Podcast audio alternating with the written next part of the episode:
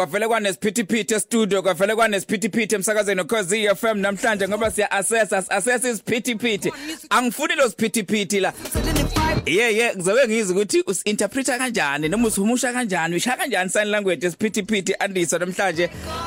Eh Alalela iskill sakho sokuinterpreta so testa kakhulu namhlanje. Ugrand andisa kuzoba isiphithiphithi nje isiphithiphithi andinhle lentokazi nkosi yami isiphithiphithi nje kuyaphithizela. Ha mfethu lalela ngibona kuphithizela inhliziyo kimi kuphithizela ingqondo ukuthi mina kanti entokazi what's up man? Eh yabona ngiloyi ngithi ngiyakuzama ngiyakuzama ungasho ukuthi angikuzamanga. Umuntu akakenze egoli bafethu hey. Hayi khuphuka khuphuka ngeke. Hey kwando ngayibhalwe abortion abortion ton ton ton enlargement. Hey hey. hey angaboni lanje nlanje baningi. Kusho ukuthi egoli ngempela ngempela yabona kumele. Hayi sikhulume ngeenlargement ekundleni zokuxhumana interest abantu abangene emaphejini Awe Nkosi yami lapho ku Facebook eh sikhona page lokhozi FM sikhona ku Instagram Andy Signs sikhona eh na ku assessa lapha yana abantu abahamba bambheka ku assess underscore kodwa usazositshena ke kodwa siya assessa nje assess izinto eziningi namhlanje kumnandi. All right assessment. Cause FM Hi PK Okay kulungile ke Andisa ake singene naye ke u assessor namhlanje eh siza ukuthi ke mesikhuluma ngaye eh u assessor kuba iningi kakhulu izinto asezenzile emculweni eh ngokukhulu kuyithoba mntaka ma asikubingelele sikwamukele emsakazweni Khosi FM Ngiyabonga ninjani lapho e e KZN edubane. Hayi edubane. Eh sanibonani sanibonani sanibonani. Edubane sigrand esidubane right. sigrand khamba kahle yonke into emnandi. Eh kodwa phela njengomuntu asesayo kwasasesa nje ukuthi si right yini sigrand ne Ya ya angikhona ngifikile. Ngithanda nje ukubulisa abalaleli bekhozu FM ah ngithi access ukhona. And ngibonge nje ngibonga ukuthi bavulele. So sikhona sithilekile na kanjani Okay mina ngikhule ngazi ukuthi mawukhuluma umuntu okasikhosana nje ukhuluma ngoJerry Sikhosana ngazi noma ngiyapeta yini uyamazi yena uJerry Sikhosana Ah Jerry Sikhosana ngimazi. Ngiyacabanga bengisesemncane kakhulu yo So anihlobene isibongo nje? Ah isibongo nje isibongo nje. Mm Yeah isibongo. Okay mhlambe ke siyayazi imisebenzi yakho mkhulu kakhulu mesikhuluma ngehip hop nama eh collaborations osuwenzile ama hit oswakhiphile kodwa mhlambe siyafuna nje ukuhlehla kancane ngoba into engidida mengikhuluma ngawe ngikhuluma ngokuthi usuke eMpumalanga kodwa ngathi yavela neNorthern Cape kodwa nje manje usegoli. Yeah injani? Kahle kahle. Ma mangivela ngivele eMpumalanga. Umntana uzalwe eMpumalanga then ngahamba ngayo ngayokhulela eNorthern Cape.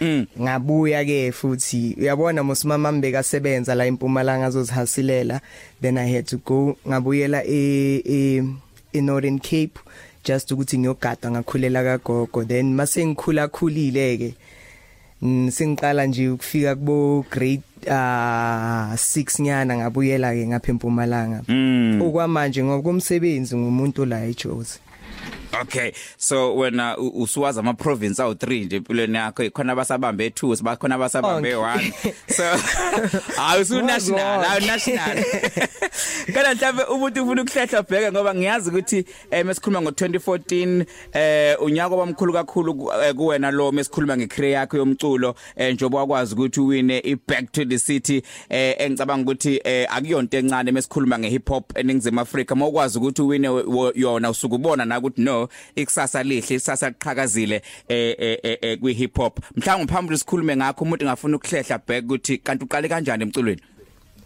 Eh emculweni obvious umculo ngiqale ngiqale kakhulu e elo e primary kahle kahle. Ngiqale ngi ngobe ngizishayela ama poem so ukubhala ngifunde lapho. Then ke mase ufike secondary yazi mawufike secondary kuba nama cipher during uh isikhathi sama breaks so yeah ngahamba ke ngahamba ke ngajoina ke nathi abafowethu ngabo break besingadli ke siqale lapho ke bese siyazi ke siyadisana ke freestyle akenza yonke lento lesiyenzayo so yeah kakhulu ama skills nayo yonke lento ngiyithethe lapho. Ngi-influence futhi engiyithethe kakhulu kubantu abafana njengabo Pro Kid abo Lil Kim abo abo Pitchback Afro na no Zulu Boy. So yeah ngiqale lapho. Then ngaqala ukuyithatha ke serious sengene studio 2012 eh ya ngaqala ukusebenza na na this guy owasempumalanga bathu King 7 ngangena naye studio then eh 2014 ngasebenza no no MPZ yeah ngiqale vele kakhulu yeah yonke into yeah okay ake ngichaze yonke. Angeke uyichaze yonke into engithandayo uveza indaba ka Prokid and khona abakufanisa naye uProkid bathi uProkid wesifazane indlela eh eh oshaya ngayo kumbe o rapper ngayo. Mhlawumbe kusho ukuthini kuwena lokho?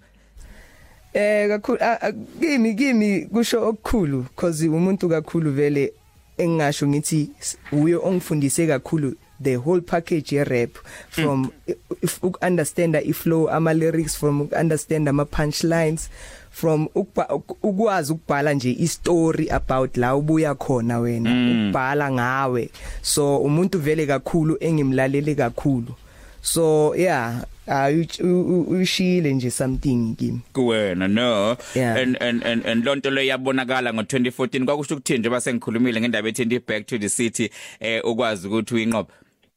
Yeah back to the city mina like yanginika like iconfident ukuzethemba. Yabo yanginika ukuthi empilweni kahle kahle uma umuntu uyazi uyazethemba kumele uzethembe and nokuthi beng yabona lapha ilo le challenge le bengibhekene na nabafana bekuyimi kuphela intombazana so mm. uh yeah nga break i record because I was the first female MC okuwina leya challenge leya. Wow. Till today till today namanje ke alikhi female MC elike la wina leya challenge. So for me ha.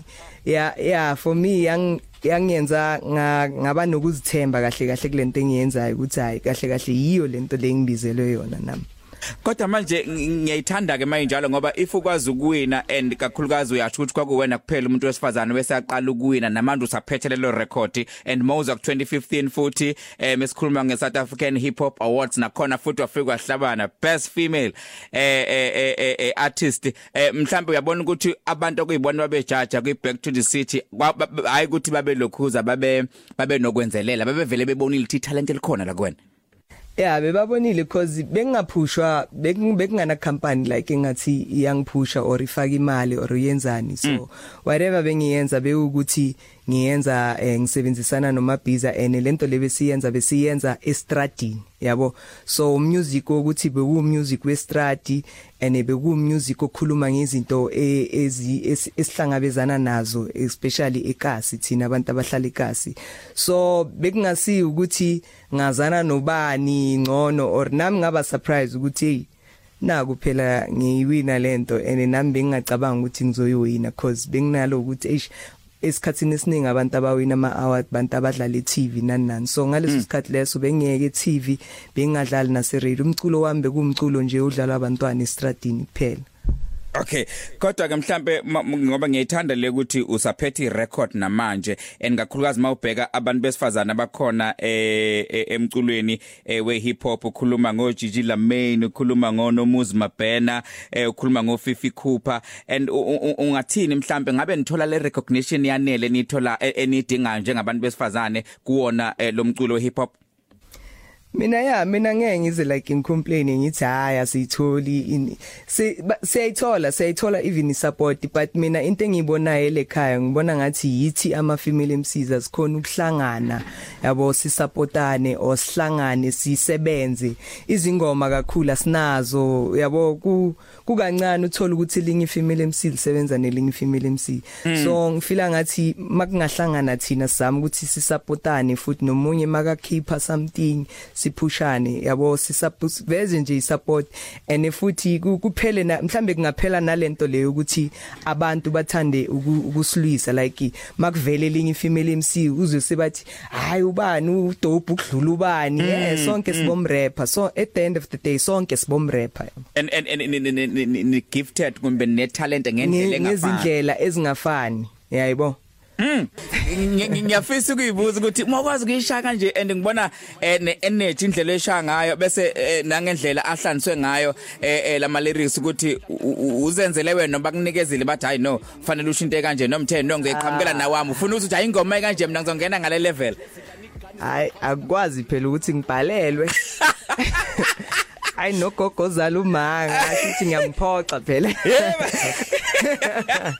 Ngoba isiphiwo lento yabo phela ngithi mina bazokubhalela besiqhamusa uassessor ke ne? Ah no ah mina ngiyabhala ngisubmit verse Ha, ah, okay. ngumuntu nje unjalo anginiki beat ngiyabhala ngisubmit verse ngumuntu vele nje uzibhalelayo is not ukuthi like angifuni ukusebenza nabanye abantu. Ngiyayenza lento le ukuthi sometimes elinye beat mangilithola mhlambe ngingazi ukuthi ngizol approach kanjani then mhlambe ngizothatha nakhona khona ngizothatha umfananyana omncane owasekasi yabo? Okay. but yeah but um- ngumuntu vele ozibhalelayo ngumuntu o music kahle kahle ngoyenza kimi spiritual so ibeat ngiyalithatha ngilale nalo ngidlale so kula lizongitshela khona ukuthi kahle kahle la kumele ngikhulume ngani kumele ngi- so kubanzima ukuthi umuntu angibhalele because kunzima ukuthatha lento le ekhulunywa umunye umuntu ngikhulume ngayo mina because lento le ngiyenza spiritual yabo mm yeah ngifuna ukuyifila Ufuna ukuyifila ibe kuwena ngaphakathi, ne? yeah injalo nje Alright. Kana mhlambe ngiyafisa nje ukubheka ngoba abantu mhlamba bangayazi ngawo ukuthi eh unanomntwana sibonile uposta ngaye ku Facebook eh wenza kanjani ukubalansisa ube umzali phinde futhi ngala ube umculi osezingeni lelo kulona. hayi kona ngeke ngikhuluma manga like kunzima because ngisengakabi nami eh kule kulezinga leli kahle kahle ngilifunayo mhlambe mangizoba kulezinga leli engilifunayo izinto zizoba easy because ngizokhona ukuafforda mhlambe ukubhadala izinto ezikanje nakanje. But eh in terms of ukusebenza eh into edingakalayo ukuthi nje wena uzitshele ukuthi kahle kahle mina ngiyenza into eso. So umntwana for me ngisese ngisesene like because umama wami ukhona uyaphila eh umuntu vele uhlala nomntwana wami omgadayo. So inzima cause kumele ngif- ngi- ngisebenze extra extra like ukuthi ngikhone u- ukusenda imali. Yabo bangaqali nje bathi ba- bathatha ifone sebayafona abayenzani so it's just ukuthi nje maseka khona kumele nje siwazi but uya motivate futhi umntwana cause unaloku ukuthi eish cause nami mangiyekhaya mangifika ekhaya ngiba naloku okay ngifika ekhaya but mangibuya la eJoburg ekseni nje ngiba naloku ukuthi eish konje isimo sasendlini konje ngishiya umntwana. so kumele ukhumbule ukuthi kahle kahle la ngizeleni ngizoyenzani. So yeah for me uyangimotivate kakhulu. Uyangimotivate umntwana wami vele Alright. No. Eh mhlawumbe ngiyafuna kodwa ukubheka imisebenzi yonke osuyenzile eh eh ekusola ngo 2008 sikhuluma ngemali, sikhuluma ngokusebenza ngesquatter camp, sikhuluma imixtape ekhiphile, sikhuluma ngequantum, sikhuluma ngehit single amantombazane. Mhlawumbe yipi nje iproject engathi uyabona le iyona engichaza kangcono and futhi iyona le engihappy ngayo nengicabanga ukuthi contribute ukuthi ngibe lo assessor oyena namhlanje. For mina iproject engike ngayenza uh and I- is not a- akusi like i hip hop hip hop but i- bekuyi hip hop ehlangene ne- nokucula ugogo khona enye project engike ngayenza ugogo lapho kunezingoma zabo lengoma Yes. ba banabonkanyezi leyo project leyo ngifila ngathi eh iproject e- ezolasta forever. Angeke iphele angeke ibashe. Ikhona ene abantu iproject eh eh ebafila like ngathi ba- bas- baseduze kwami. Because iyimlo iyimlo it was all about ukuthi manje eh bengichoma and benginalo ukuthi ngifuna ukubangena ngiyafika yabo so bengifuna ukuprove ipoint but ugogo ugogo bengishare ama feelings wami Mm. yeah nokuthi ngifila kanjani ene nokukhula nokukhula ku ku music via music yabo. Okay. so yeah le impendulo impendulo ayimpendulo bengu depression bengu depression nje. So bengizama nami ukukhipha le stress lesenginaso but the project vele e- engihloniphayo ugogo. Okay. And and and and mawukhipha i depression ukhipha stress abantu abaningi bathi mawucula indlela osuke expressa ngayo izinto ngoba indlela okhule ngayo eh mhlambe na umculo uthatha kanjalo. yeah nguthatha mina nguthatha kanjalo. Umculo umculo ve that's why sometimes ngiyahluleka ukuphendula lento leyo ukuthi eh uqale nini kahle kahle ukucula or eh ufundise ubani because into nje eh, engivele ngayenza nami Alright. yeah Kodwa ke mina ngiyayithanda iquantum. Mina ngikhule Quantum is ah mina Quantum is the best song. Ah, la- Quantum, iQuantum yayi ke yabona. Wawucabanga ngizoqhamuka nequantum. iQuantum like uke wabona eh. yimi kuphela intombazana yabo sise studio nginamagenge yimi kuphela sizihlelele lapha siziphuzela nje amanzi ah Yes, yabo, ya. Yabona lamanzi lawa anempilo. Eh, Eh. yabo kumnandi kunale vibe usos nabo just bheki kunabo Thafi kunabo bani s- vele nje bekumnandi ene bengibuye empumalanga ngiyalikhumula lelanga lelo bekulate. Mangifika vele ngifike la phezukwabo ngifika vele naba shy beat ngathi hayi hayi. Lazi vele umuntu ufike ngequantum ukusuka le empumalanga ukufika phela sahayika ngisho manje impilo sengcono Ah, manje ngiyayithanda le, ngiyayithanda le. Uzibiza ngelimozini yabantu abamnyama iquantum ne. Eh. Hol. Wife phela nakuwa la diamas buki sihlala silele ama ice namaside anekhula box igcwele fike namagang amaspoon amamenemene siyababa kwepelepele drip lokibelesele imali phezulu icuma ihlalo ke selesele thina sithenga kuphela ucash. Ngeke usiphelele ngithi kusasa sikhipha ibhabhalaza ngale nyukesele dala nibeta manje kukhuluma iphepha ngiyaspenda ne-out yakho getting better assessa hlangana namatita mangilenda ngiyaflexa. Fokoto jimile ngiyapressa quantum stuku stuku pam pam sazothatha botsha aish helalani imali ningi sibale. Hawulani imali ningi. Lana senge quantum stuku stuku pam pam sazothatha botsha aish helalani imali Ah bafethu lalele quantum ngizokutshela quantum ngiyakutshela. Mina ngazi marathon ngazi square ngazi e20 ngazi ingqoshi but yena uphethe noma kanjani quantum ya siyayazi quantum ingcenye empilo yethu. Okay asigijime siyetolo mesibuya eh khona imibuzo engifuna ukubuza yona la assessor sine minute and ngifuna ukuthi aw- awucabangi la ngitshele answer i1 okay? Okay. All right summer noma winter? Winter. Rap noma writing? Rap. Kasi rap noma trap? Kasi rap. Zakwe or duncan? Zakwe. Mpumalanga gauteng. Mpumalanga. Six pack umkhaba? Uh six pack indoda noma intombi? Indoda. Braids noma weave? Braids. Beer noma goloko beer eh eh eh ngumntana esintu phela mina. Oh kasi noma suburb? Kasi always. Radio noma podcast. Radio. Radio. Squatter camp noma tear gas uh yabona ke manje. Ah. sikona can hayi wehlisiza ngibuzo can all right cd sales noma uh, streams. Ah CDs all right kodwa bakuthola ama streams mayufuna ukufona bebefuna ukuthola ama streams benze njani? Bangithola bangithola assessa nje assess ukhona. Spotify konke eh YouTube yonke into assessa nje. Okay bazowathola namantombazane khona ne? Yeah bazowathola amantombazana khona. Aphumile vele amantombazana. Aphumile amantombazane?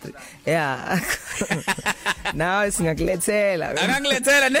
Singakulethela Yes. amantombazana khona nje agcwele kabi. Ah, bekhubuze enye ingoma lapha eyayishawa uprofessor this chick must bring more chicks because I want more chicks. Amantombazane eh, iyona hit eh, single oyiphethe nekuyona ogabe ngayo njengamanje. Assessa siyabonga kakhulu isikhathi sakho nje emsakazweni ukhozi FM sikufisela inhlanhla. Siyaza kubanga lule ngaphambi ungene emculweni namanje akukho lule but usaqhubeka uyaphusha.